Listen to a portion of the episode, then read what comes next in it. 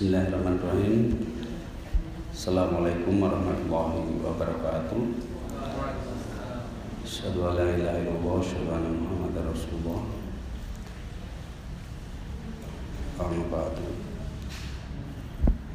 Uh, Kita akan memulai kajian dari 10 topik ya yang kemarin sudah dimintakan kepada saya uh, inti dari atau atau benang merah ya dari 10 topik itu sebetulnya bagaimana kita sebagai umat Islam bagi muslim muslimin muslimat ya itu uh, perlu memahami diri kita fitrah kita perlu memahami siapa diri kita, potensi kita dan apa yang kita hadapi dalam kehidupan sehingga kita bisa mengambil langkah-langkah yang tepat, yang benar ya yang bisa insya Allah eh, pertama-tama menyelamatkan diri kita dan alhamdulillah kalau bisa juga menyelamatkan orang lain dan peradaban bangsa. Jadi mulai dari diri sendiri sampai kepada membangun uh, peradaban. Nanti itu kita akan insya Allah bahas uh, prinsip-prinsipnya. Uh, saya akan mulai kajian pagi ini dengan judul ya ilmu sebagai fondasi keimanan uh, yang akan saya coba jelaskan dengan sebuah konsep tentang jiwa manusia. Kalau Anda membaca ya kitab-kitab para ulama klasik ya. Terutama Imam Al Ghazali ya. Itu eh, fondasi apa keilmuan ilmu itu itu ditekankan sekali ya supaya kita eh, memiliki akar yang kuat ya dalam menjaga dan juga mengembangkan keimanan kita sebetulnya eh, dalam Al-Quran juga kita selalu diingatkan untuk menggunakan akal kita. Kita diingatkan untuk berpikir, ya. Kita diingatkan untuk berzikir, ya. Zikir itu sendiri sebetulnya adalah uh, proses uh, kognitif, ya, proses memahami sesuatu, proses mengkaitkan sesuatu, mengingat sesuatu, ya, supaya kita faham apa yang kita hadapi dalam kehidupan ini. Uh, hidup ini bagi umat Islam itu digambarkan dengan berbagai dimensi. Ya, pertama sebagai uh, sebuah pengalaman. Hidup kita itu sebetulnya adalah ujian ya. Yang saya maksud hidup tentu saja ini hidup di dunia ini ya. Karena dalam konsep uh, Islam yang namanya hidup itu minimal ada empat ya. Jadi hidup di alam roh hidup di alam dunia hidup di alam kubur dan hidup di alam akhirat. Nah, yang kita ketika saya bicara hidup di sini ini adalah hidup kita saat ini ya di dunia ini ya supaya tidak uh, rancu nanti. Nah, hidup di dunia ini ini pertama dia adalah ujian ya. Uh, ini harus kita fahami dan harus kita yakini. Cuman untuk meyakini di situlah kita perlu ilmu ya, karena kalau hanya mendengar ya itu mungkin sudah sering kita mendengar. Tapi ada orang yang bilang hidup ini perjuangan gitu. Mungkin benar ya, mungkin benar. Tapi sebetulnya eh, ketika kita bilang hidup ini perjuangan itu sebetulnya itu ada, adalah eh, sudah merupakan reaksi terhadap kenyataan bahwa hidup kita ini adalah ujian. Ya kan? Kalau Anda itu menghadapi ujian kan Anda harus berjuang, kan gitu ya. Tapi ada orang yang mengatakan hidup ini penderitaan. Nah, ini saya kira agak keliru. Kalau orang mengatakan hidup ini penderitaan, itu sesuatu yang secara psikologis tidak menguntungkan. Kenapa? Karena Anda mau menderita atau mau berbahagia itu kan pilihan. Tapi bahwa hidup ini ujian betul. Nah, dalam ujian itu Anda bisa milih untuk menderita atau pilih untuk menikmatinya kan gitu ya sehingga kalau ada yang bilang hidup ini penderitaan itu bisa dikatakan ilmunya masih terbatas. Ya ilmunya masih belum kafah. Ya. sama halnya ketika orang mengatakan hidup ini bersenang-senang.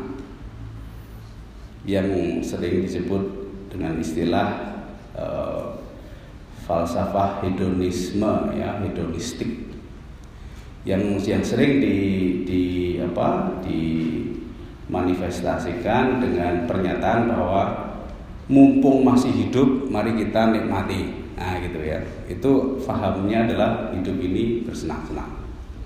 Atau kalau ini adik-adik semua ini kan masih muda semua. Ya musuh masih muda mari kita nikmati hidup ini gitu kan. Nanti kalau sudah tua baru kita prihatin lah. Ini juga keliru. Ilmunya kurang mendalam. Ya. Kenapa? Karena eh, bersenang-senang itu akan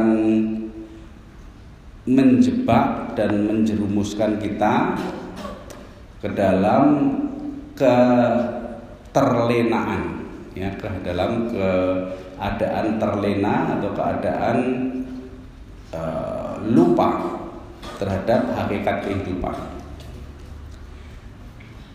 Mungkin ada lagi yang mendefinisikan hidup ini seperti apa. Uh, lalu ada yang apa istilahnya itu e, diilustrasikan ya di dalam Al-Qur'an juga bahwa hidup ini hanyalah permainan dan sendagura belaka ya. Ini bagaimana kaitannya? E, kita akan bahas ini nanti sedikit demi sedikit ya artinya kita akan eh, bahas di pertemuan selanjutnya untuk memperdalam ini karena ini sangat penting pemahaman ini. Orang yang salah dalam memahami e, pernyataan bahwa hidup ini adalah permainan dan senda pura belaka, maka dia akan menganggap ya kalau ini cuma permainan kita bersenang-senang saja, itu juga salah. Ya. E, karena apa? Karena di sisi lain Allah menyatakan bahwa Allah menciptakan kehidupan ini atau alam semesta ini itu tidak main-main, tidak bermain-main. Serius hidup ini. Nah, ini kan kalau Anda tidak memiliki ilmunya, Anda tidak menggunakan akal Anda, maka susah untuk memahami dua pernyataan yang seolah-olah bertentangan itu. Ya. Di satu sisi dibilang hidup ini hanya permainan dan senda belaka. Di sisi lain dikatakan bahwa Allah tidak menciptakan alam semesta ini dengan sia-sia. Berarti serius. Gimana itu kira-kira cara memahaminya? Ya. Nah, yang bisa menjembatani dua pernyataan itu kembali lagi adalah sebu, uh, adalah uh, pengertian atau definisi tentang kehidupan yang mengatakan bahwa hidup ini adalah ujian. Jadi kalau Anda itu sedang menghadapi tes atau ujian ya, entah ujian akhir, ujian ini dan sebagainya, ini sebetulnya kan seperti bermain-main, tetapi serius, gitu. Gini anunya ya ilustrasinya ya. Ketika Anda menghadapi ujian, itu kan sebetulnya jawaban Anda dalam ujian itu tak tidak menentukan siapa Anda. Iya nggak? Ujian itu tidak menentukan apakah Anda cerdas atau tidak, Anda sukses atau tidak, enggak, itu cuma ujian. Tapi serius, karena kalau Anda tidak lulus ya nilainya sih naik. Dan Anda bisa aja harus mengulang dan sebagainya. Nah ini ini yang harus kita pahami, ya. Nanti perlahan-lahan e, kita akan mengkaji bagaimana memahami secara mendalam kehidupan kita ini, ya, sehingga kita tidak terlena dan tidak terkecoh dalam menjalani kehidupan. Untuk bisa e, membedah ya e, fenomena tentang kehidupan yang sudah kita bahas tadi, saya akan mulai dengan e, konsep tentang jiwa manusia, ya. Jiwa manusia dan ini juga nanti akan kita gunakan kerangkanya itu e, secara berkelanjutan ya. Karena ini nanti sebagai kerangka dasar ini memang menjadi e, acuan ya. Jadi e, manusia ya anda sekalian ini saya juga ini ini kan sebetulnya kalau dalam bahasa istilahnya itu terdiri dari dua entity ya dua hal dua entitas yaitu jiwa dan raga atau raga dan jiwa atau jasmani dan rohani ya kan? Proses penciptaan manusia kan kita diciptakan dulu eh, jasad kita jasmani kita diciptakan dari tanah liat yang diberi bentuk ya. Kemudian ketika sudah sempurna bentuknya lalu ditiupkanlah ruh ruh Allah yang lalu itu membuatnya hidup. Nah, ketika jiwa dan raga itu berpisah, maka kita mati dari kehidupan dunia ini. Sekali lagi kita bicara kehidupan di dunia, ya. Sehingga Anda ada di sini, duduk di sini ya, bisa tingak tingu bisa muntak mantuk itu karena ada jiwanya ya kan ketika anda mati jasad anda berkurang nggak? Kalau orang itu meninggal itu ada yang hilang nggak jasadnya? Nggak ada. Iya kan? Tangannya yang masih di situ, kakinya di situ, kepalanya masih di situ, bahkan ada matanya yang masih mendeli, gitu, masih melotot, gitu kan, ada. Jadi nggak ada yang hilang. Jadi yang hilang ketika kita meninggal itu adalah jiwa. Hilangnya itu bukan hilang terus vanish gitu ya atau apa hilang terus menghilang ya, tapi hanya berpisah berpisahnya jiwa dan raga. Nah ini juga perlu dipahami. Jadi Anda pertama-tama harus sadar bahwa minimal dalam diri Anda itu ada dua entity atau dua zat atau apa ya yaitu jasmani Anda dan jiwa Anda. Otak itu jiwa atau raga? Otak. Hmm? Raga. Jadi kalau dalam bahasa psikologi itu ada istilah mind and brain, ya. Brain itu adalah raganya, mind itu adalah jiwanya. Nah, ibarat dua unsur yang disatukan, maka jiwa dan raga itu ada konektornya gitu ya. Seperti Anda kalau misalnya uh, punya HP mau ngecharge itu kan Anda harus ada koneksi toh colokan ya toh. Sekarang kan kebutuhan dasar itu sana pangan papan colokan ya kan. ketika Anda mencolokkan HP Anda, itu sebetulnya Anda mengalirkan jiwa, ya toh? Jiwa dari listrik itu, arus listrik itu ke dalam HP Anda sehingga HP Anda hidup karena ada arus listriknya, ada baterainya ya ada. Tapi kalau HP Anda itu kehabisan baterai, energi listrik ya mati HP-nya. Kan gitu. Ya bisa dicolokin lagi terus bisa kemasukan lagi. Nah, jiwa dan raga kita itu juga ada semacam colokannya itu. Tapi ada yang lebih dalam daripada itu, ya. Sehingga eh, ini sebuah konsep ya untuk mempermudah kita memahami jiwa manusia itu memiliki empat lapis lapisan tertua eh, terluar itu adalah yang connect ke raga kita, ke jasmani kita. Yang itu disebut sebagai lapisan sensing ya. Jadi lapisan yang yang memiliki koneksi dengan raga kita. Sense.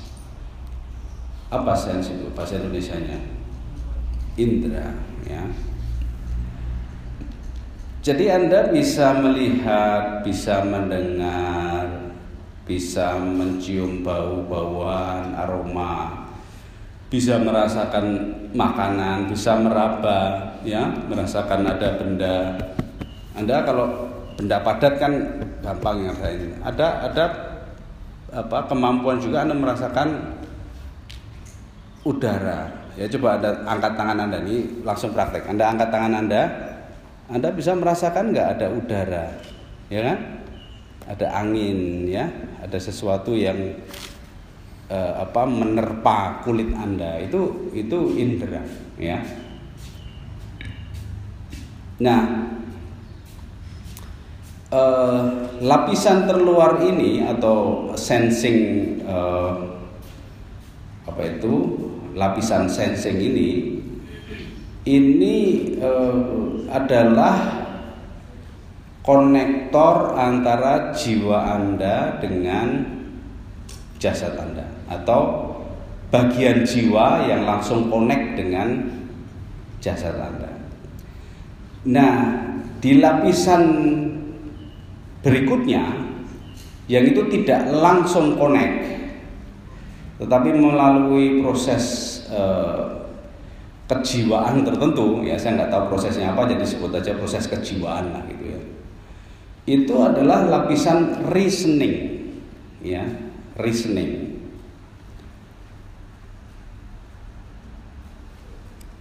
uh, reasoning itu kalau menurut saya itu tidak langsung connect dengan jasad kita karena reasoning itu sudah mulai seperti arus listrik tadi. Jadi saya kemarin periksa mata gitu. Eh, kebetulan mata saya kan terkena glaukoma. Ini ada yang dari kedokteran nggak ini? Kedokteran angkat tangan? Nggak ada. Tetangga di sini? Nggak ada ya. Biasanya orang dokteran suka ngaji juga biasanya. Atau mungkin orang teknik semua malahan ini ya. Jadi dokter mata saya bilang menjelaskan glaukoma itu apa. Kan Anda kalau melihat mata saya biasa-biasa aja kan, jasadnya itu masih utuh gitu. Tapi yang namanya penyakit, glaukoma itu ceritanya begini. Jadi ketika Anda melihat sesuatu itu yang Anda tangkap, yang ditangkap oleh mata Anda itu kan cahaya. Ya kan? Cahaya itu ketika menyentuh bagian retina itu diubah menjadi kimia. Oh kan luar biasa. Ini mekanisme sensing ini luar biasa. Jadi retina mata itu mengubah cahaya menjadi uh, chemical unsur kimia. Nah, kimia itu lalu ketika menyentuh saraf itu diubah menjadi listrik. Ya, Nah, setelah listrik itu apa e, tersalurkan atau arus itu menjalar ke otak, maka diproses oleh otak itu menjadi melihat itu, jadi melihat itu. Jadi proses sensing itu tidak sederhana, ya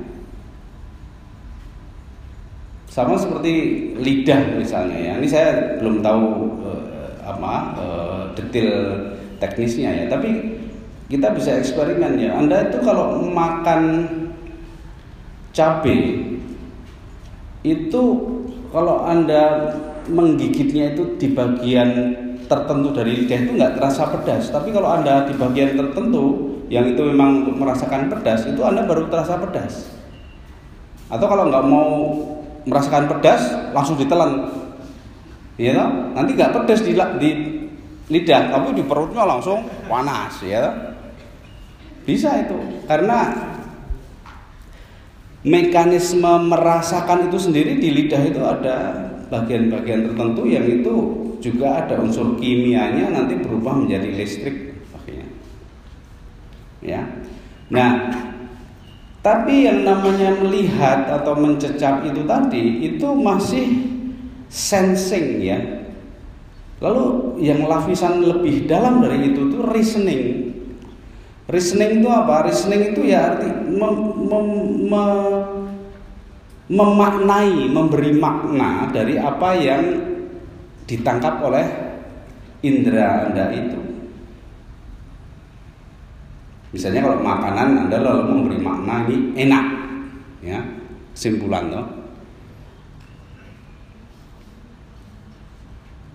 Uh, buktinya apa? Buktinya makanan enak dan tidak enak itu itu subjektif. Ya, kalau sensing itu kan objektif, tapi enak tidak enak itu subjektif. Dan kadang-kadang lebih dalam lagi reasoning itu juga uh, enak tidak enak itu kadang-kadang butuh alasan. Anda sekarang masih muda mungkin masih suka makan apa rendang, makan sate kambing itu kan, walaupun nggak bisa beli, gitu. Tapi makan kepengen, kalau dikasih kan seneng enak gitu ya. Tapi begitu sudah usianya 40 ke atas sudah punya kolesterol, sudah punya penyakit gula itu tiba-tiba Anda anggap makanan yang berlemak dan sebagainya itu tidak enak. Atau ini bukan sesuatu yang menyenangkan lagi. Karena Anda punya sudah punya reasoning bahwa ini membuat saya tidak sehat gitu kan. Itu reasoning jadi lebih dalam dari sekedar sensing tadi, ya. Jadi reasoning itu adalah eh, lapisan jiwa kita yang memberi alasan, yang memberi tujuan, ya, yang membuat kita bisa memprediksi apa yang akan terjadi di masa depan dan sebagainya itu reasoning. Nah, reasoning inilah uh, lapisan jiwa yang nantinya akan menjadi pintu masuk ya uh, apa yang disebut ilmu itu. Jadi kalau yang namanya ilmu itu, itu nanti kita akan bahas soal metode sains juga ya karena ini kebanyakan mahasiswa itu eh, proses reasoning ya yang membuat kita jadi faham apa yang terjadi dalam lingkungan kita.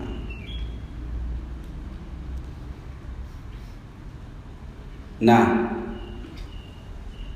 reasoning itu sendiri itu baru lapisan kedua ya yang itu sifatnya lebih uh, berupa logika ya toh pragmatis uh, apa istilahnya itu uh, bertujuan ya dan sebagainya nah lapisan yang lebih dalam dari jiwa dari reasoning ini disebut sebagai lapisan empati empati. Nah, di lapisan empati ini kita sudah tidak sekedar berinteraksi dengan alam, ya, atau tidak sekedar berempati dengan barang, dengan makanan, dengan eh, apa benda-benda, tapi empati ini kita sudah berinteraksi dengan jiwa yang lain atau orang lain. Tetapi orang lain secara rohani bukan secara uh, jasad. Ya kalau kita misalnya uh, pergi ke pasar yang atau ke sekaten lah itu kan anda berinteraksi dengan orang lain tapi cuma desek-desekan apa senggol-senggolan itu itu bukan empati itu itu itu interaksi jasad ya. Tapi kalau anda berinteraksi dengan ibu Anda yang ada di rumah yang jauh di kampung halaman ya Anda ingat Anda merasakan uh, apa terkesan Anda terharu ya melihat nenek yang apa istilahnya itu ketika Anda kecil dulu begitu menyayangi Anda tapi sekarang sudah jauh ya jadi Empati itu koneksi antara satu jiwa dengan jiwa yang lain yang itu goib gitu ya. Artinya itu tidak sudah beyond sensing, beyond reasoning. Beyond itu artinya sudah uh, lebih dalam daripada sensing dan reasoning, ya. Jadi ketika Anda itu terharu mengenang ibu Anda, itu kalau ditanya tujuannya apa terharu? Alasannya apa? Enggak nyambung. Karena itu sudah beyond. Ya, lebih dalam daripada reasoning. Sama ketika Anda jatuh cinta, ya toh? Cinta itu agak problematik karena ada cinta itu yang cuma sensing, ada yang cuma reasoning ya. Tapi cinta yang sejati itu ya setengah sejati lah.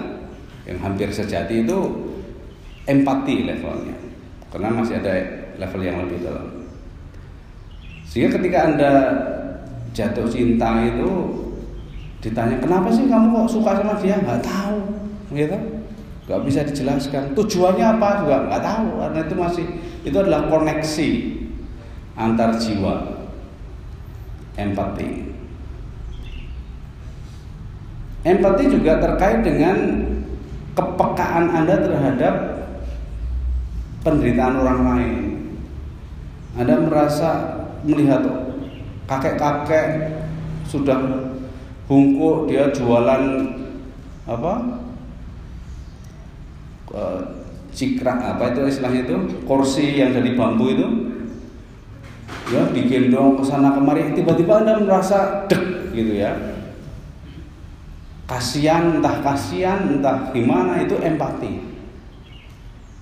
Ya. Istri saya itu kalau di jalan lihat orang tua jualan itu langsung dibeli. Nanti di rumah ya nggak dipakai tapi karena ada empati ya paling nanti di rumah ditaruh di mana terus nanti ada tetangga dikasih tetangga. Itu nggak penting barangnya itu nggak penting. Tapi melihat ada orang kok jualan terus ditanya saking pundi pak? Dari Bantul. Ini ketemunya di Sleman. Coba membawa tempat tidur.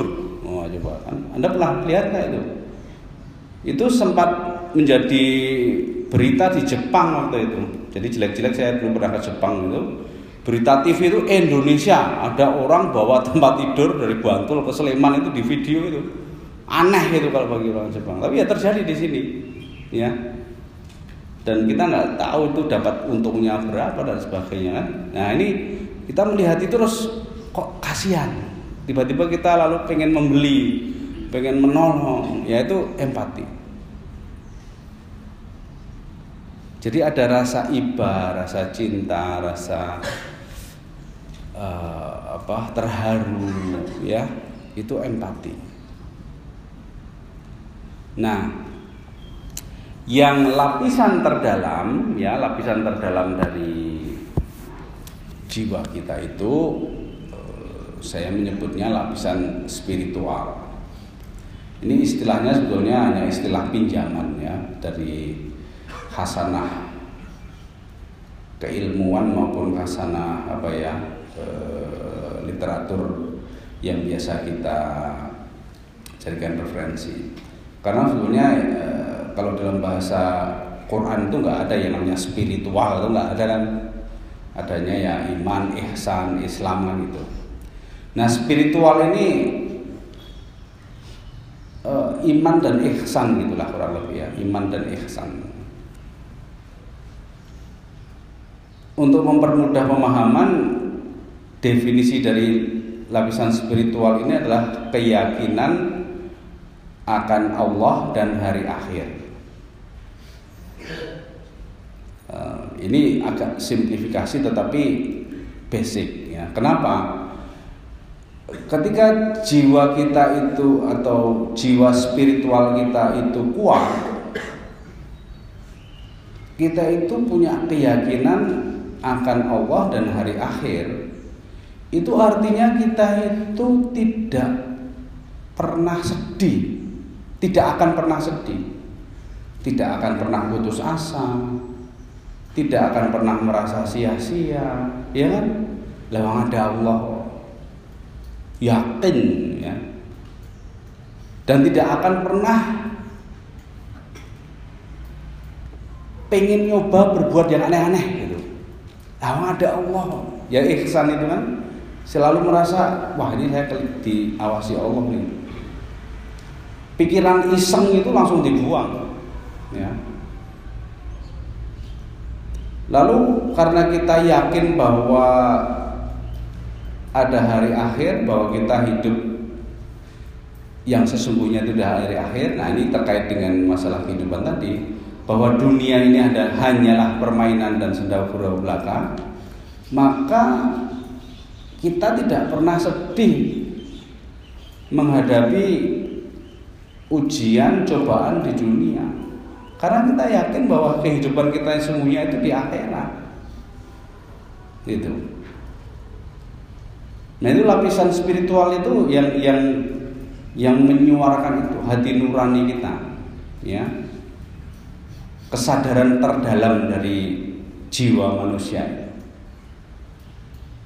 itu sudah beyond empati.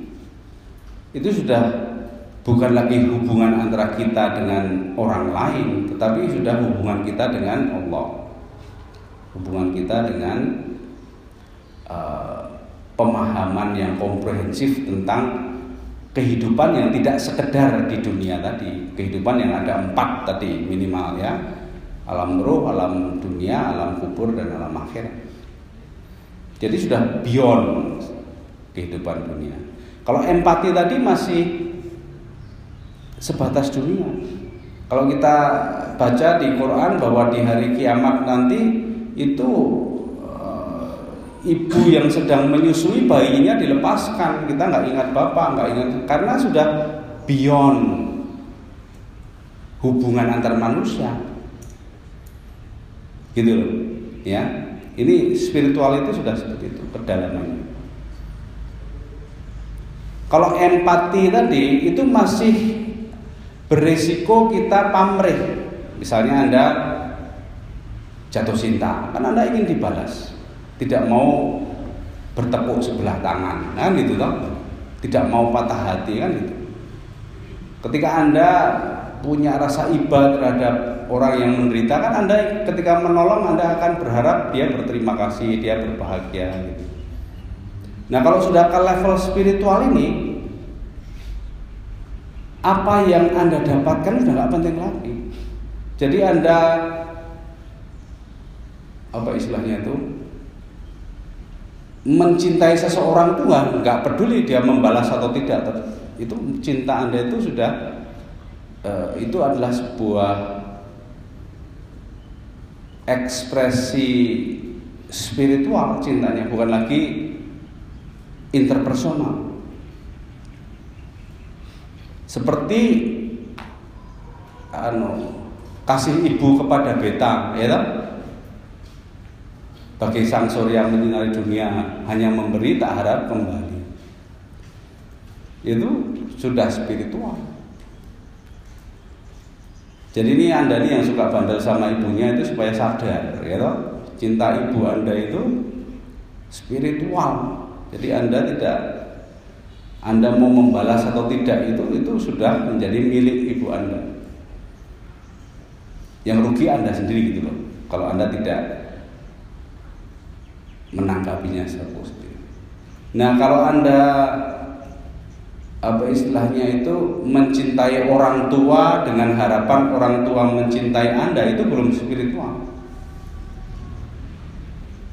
Kalau sudah spiritual itu Anda mencintai orang tua, menghormati orang tua walaupun orang tuanya itu galak, walaupun orang tuanya itu jahat, walaupun orang tuanya itu tidak beriman itu spiritual ya tapi mencintai itu tidak harus uh, mengikuti semua kata-katanya. Kan gitu toh kalau dalam Quran kan hormatilah orang tua walaupun dia tidak beriman. Selama dia tidak menyuruh anda untuk berbuat musyrik kan gitu. Jadi cinta pada orang tua itu juga disarankan pada level spiritual.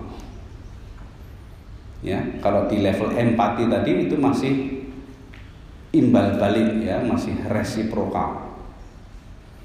Gitu. Jadi sebetulnya uh, empat lapisan jiwa itu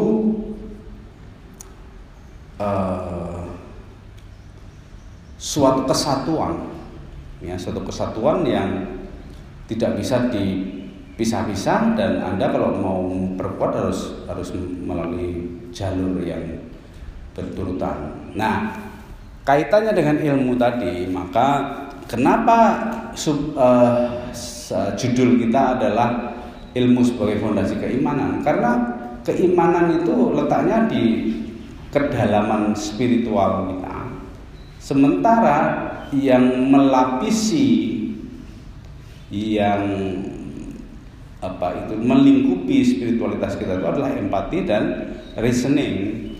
Jadi kalau kita mau masuk ke dalam spiritual kita, itu kita harus reasoningnya harus kuat dulu. Jadi yang namanya keimanan yang betul-betul itu bukan sekedar mengaku beriman dan apa? Mengklaim kebenaran me, merasa paling apa istilahnya itu benar menganggap orang lain tidak benar dan sebagainya itu bukan keimanan.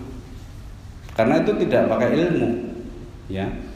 Keimanan yang sesungguhnya itu ketika kita dari sensing itu masuk melalui reasoning ya keilmuan itu harus kuat.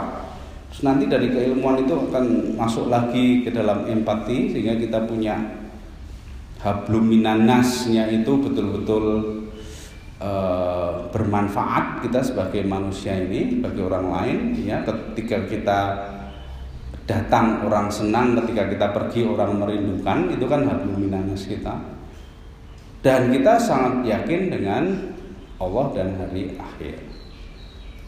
Sehingga lapisan-lapisannya harus kita tembus. Dan pintu pertama tadi adalah reasoning. Nah di sinilah letaknya ilmu. Kenapa kita perlu reasoning? Kita perlu memahami maksud ya dari ayat-ayat itu jadi kalau Anda menghafalkan Quran tapi nggak tahu maksudnya Al-Quran itu, itu sebetulnya uh, Anda belum masuk ke dalam reasoning yang yang yang sesungguhnya. Bisa aja itu masih sensing, ya toh? Menghafal Quran itu kan ya didengarkan terus diucapkan, didengarkan, diucapkan dan sebagainya itu. Saya tidak mengatakan menghafal Quran itu jelek, tapi kalau Anda mau menghafalkan Quran itu harus masuk ke reasoning sampai ke reasoning minimal sehingga Anda paham maksud dari ayat-ayat itu.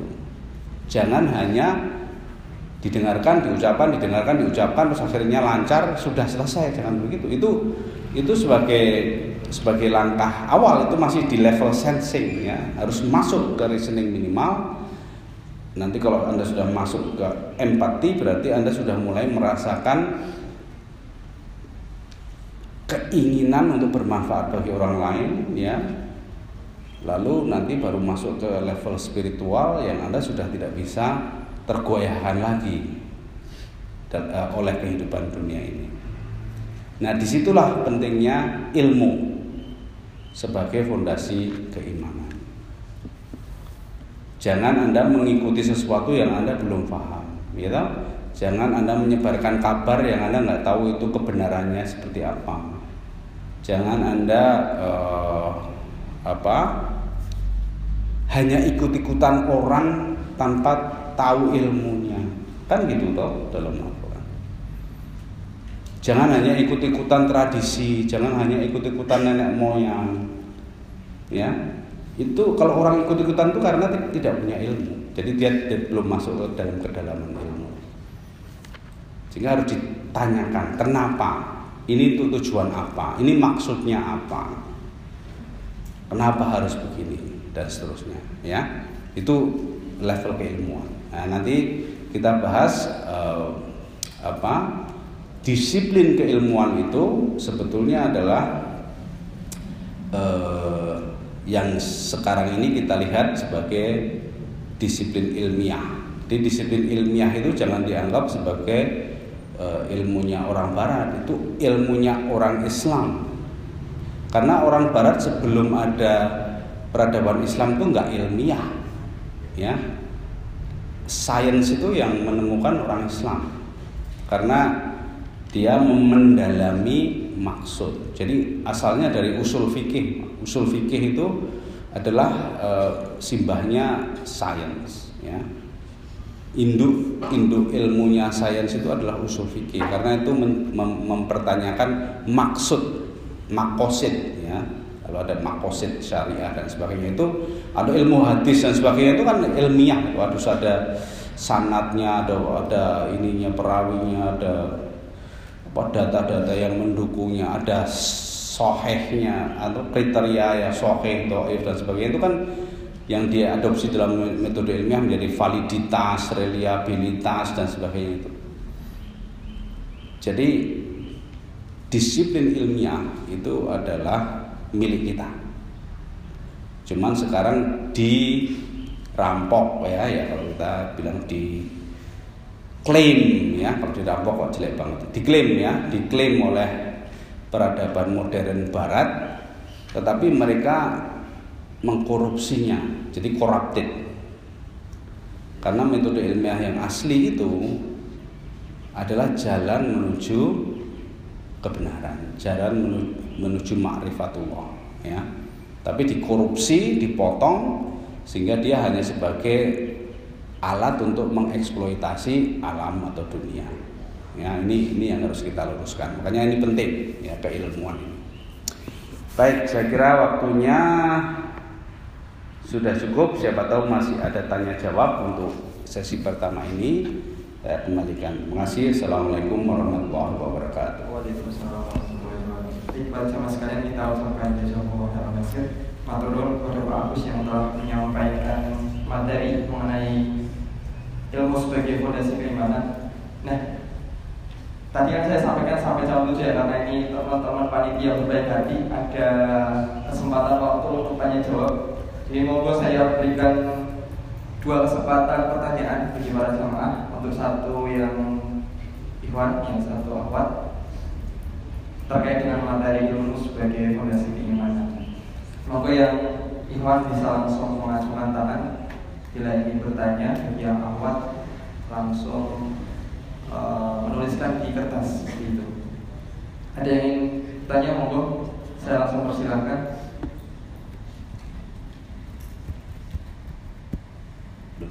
Ada. Ya satu yang awal ada. Kita tunggu aja dulu ya. Yang Ikhwan dulu monggo Mas.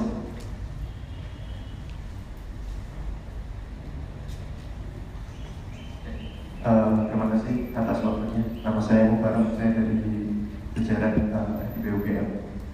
Pertanyaan saya seperti ini, uh, di akhir sesi, uh, sesi terakhir kan kita tadi kita mengatakan bahwa kita harus apa sih uh, paham atau dia memahami sesuatu apa yang harus kita lakukan seperti itu. Nah, uh, itu kan menurut saya uh, menjadi sebuah kebaruan kebaruan ya, kayak gitu kan. Nah, pertanyaan saya adalah bagaimana kita uh, menanggapi atau merespon sesuatu yang lama atau sesuatu yang dikatakan sebagai sebuah budaya seperti itu. Terima kasih. Assalamualaikum warahmatullahi wabarakatuh. Waalaikumsalam warahmatullahi wabarakatuh. Dari awal ya. Langsung aja. Oh iya. Ada yang dari akhwat monggo. Kalau tidak ada mungkin satu pertanyaan dulu ya Ustaz ya. Oh, Oh, ada. Ada itu. Disampaikannya gimana? Oh iya, kalau mau sampaikan monggo. Maaf Mbak.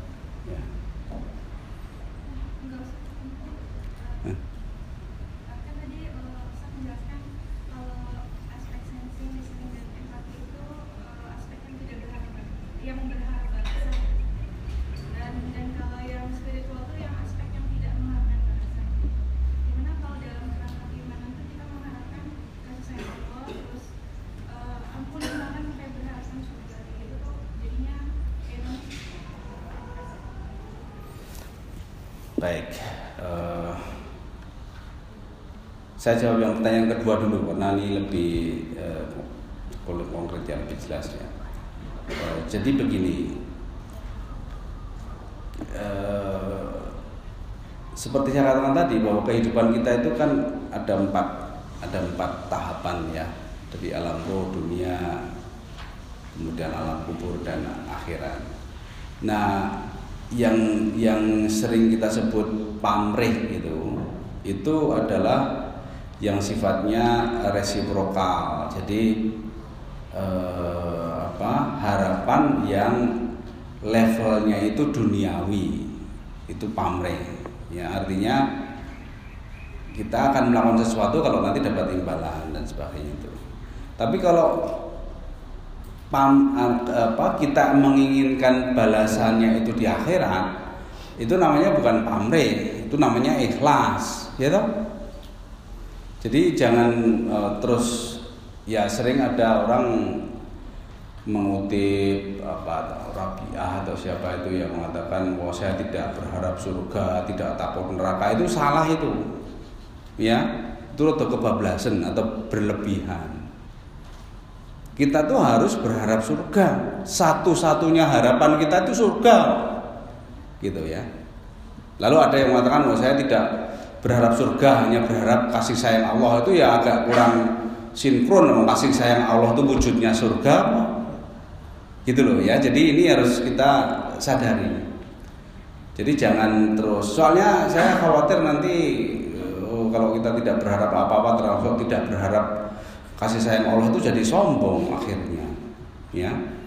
Jadi kita harus memahami konteksnya bahwa hidup kita itu ada empat tahapan dan eh, apa pamrih atau berharap kepada dunia itulah yang yang itu yang tidak baik. Tapi kalau berharap pada hanya kepada Allah dan akhirat dan surga itu adalah yang benar. Gitu ya. Jadi jangan jangan salah eh, tangkap ya, salah paham. Saya eh, sering mengamati termasuk mahasiswa saya pernah yang yang mengatakan bahwa kalau saya sih enggak berbuat baik bukan untuk surga, nah, untuk siapa? Ya, untuk Allah. Emang Allah masih lain selain surga kan nggak logis itu argumennya itu ya. Itu itu kesombongan kalau menurut saya ya sehingga harus hati-hati. Jadi eh, faidah farota kamsa wa ila rabbika farghab ya. Jadi hanya kepada Allah lah kita berharap. Ini hanya harapan kita hanya imbalan yang kita harapkan hanya dari Allah. Ya. One and only.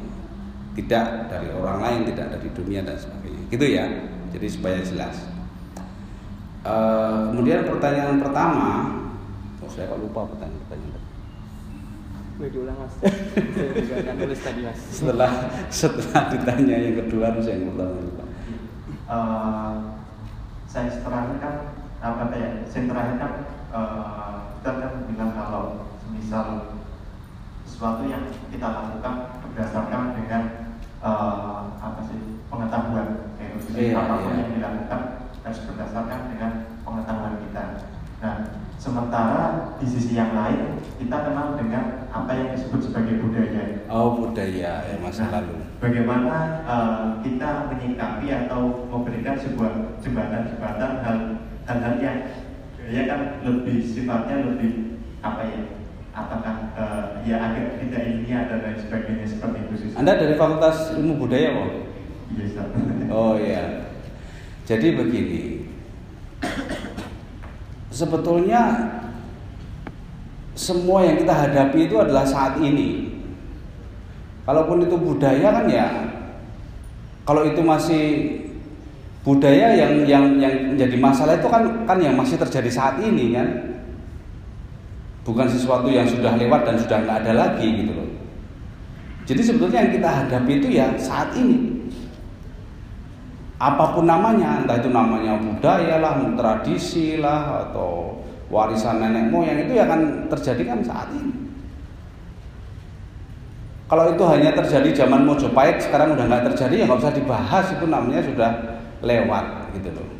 Ya, jadi ini yang yang perlu dipahami. Jadi misalnya eh, oh sekarang masih ada kebiasaan menaruh kembang di perempatan untuk menolak bala dan sebagainya itu kan terjadi saat ini memang katanya itu adalah budaya, itu adalah tradisi gitu. Nah, karena itu masih terjadi saat ini, maka kita juga harus mengkritisinya. Emang itu maksudnya apa? Kalau maksudnya hanya ikut-ikutan nenek moyang ya, itu namanya tidak ilmiah, ya kan? Itu bukan reasoning yang bisa diterima.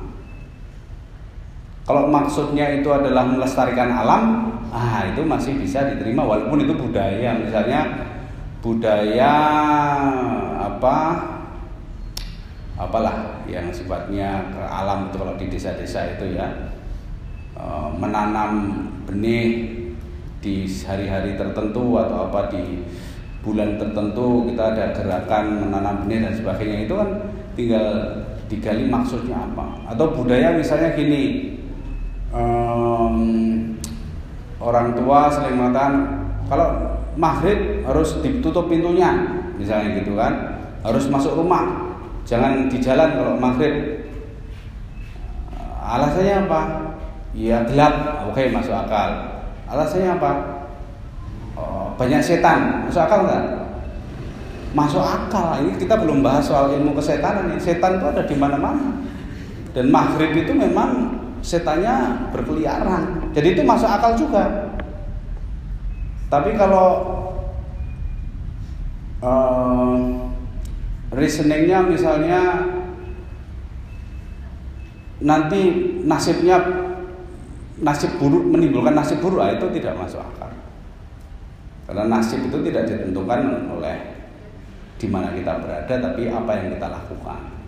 Misalnya gitu loh. Jadi apa pun yang kita jadikan isu adalah sesuatu yang kita alami sekarang walaupun itu alasannya adalah budaya alasannya adalah warisan tradisi dan sebagainya itu tetap yang kita jadikan masalah ya tapi kalau itu sudah masuk museum itu menjadi hikayat jadi dongeng dulu zaman Mojopahit itu gini-gini ya, itu itu ya memang hanya cerita yang tidak perlu kita logikakan gitu ya. Tapi bisa juga kita kalau Anda peneliti sejarah Anda bisa juga mencari reasoning kenapa sih dulu kok itu dilakukan gitu ya untuk pengetahuan aja untuk tidak untuk bersikap. Tapi bisa juga untuk pelajaran juga. Oh dulu itu sekarang kita harus tahu bahwa itu, itu tidak benar atau itu benar gitu. Ya sehingga uh, uh, kita sebagai manu, sebagai manusia kita itu tetap punya pilihan ya bersikap kita punya uh, kesempatan untuk berargumen kita punya apa keleluasaan kebebasan untuk menentukan sikap kita gitu tidak ada yang sifatnya ini keramat terus nggak boleh diode itu nggak ada kalau itu masih terjadi itu bisa diode yang tidak boleh diode itu cuma Al-Quran saja UD-UD artinya dimanipulasi. Kemarin ada Al-Quran terbit tanpa surat Al-Maidah itu nggak nggak boleh itu ya. Aneh. Begitu ya. Jadi budaya itu sendiri harus kita pelajari, apalagi dari ilmu budaya itu harus dipelajari kenapa ini begitu. Ya, supaya kalau itu reasoningnya itu membahayakan anu harus kita ubah. Misalnya di Gunung Kidul ada budaya bunuh diri, pulung gantung misalnya, mosok dilestarikan, ya. Walaupun itu budaya turun temurun kan ya tetap harus dikritisi kan. Begitu ya Mas ya. Baik, saya kira cukup. Ya, baik. Semoga menjawab ya pertanyaan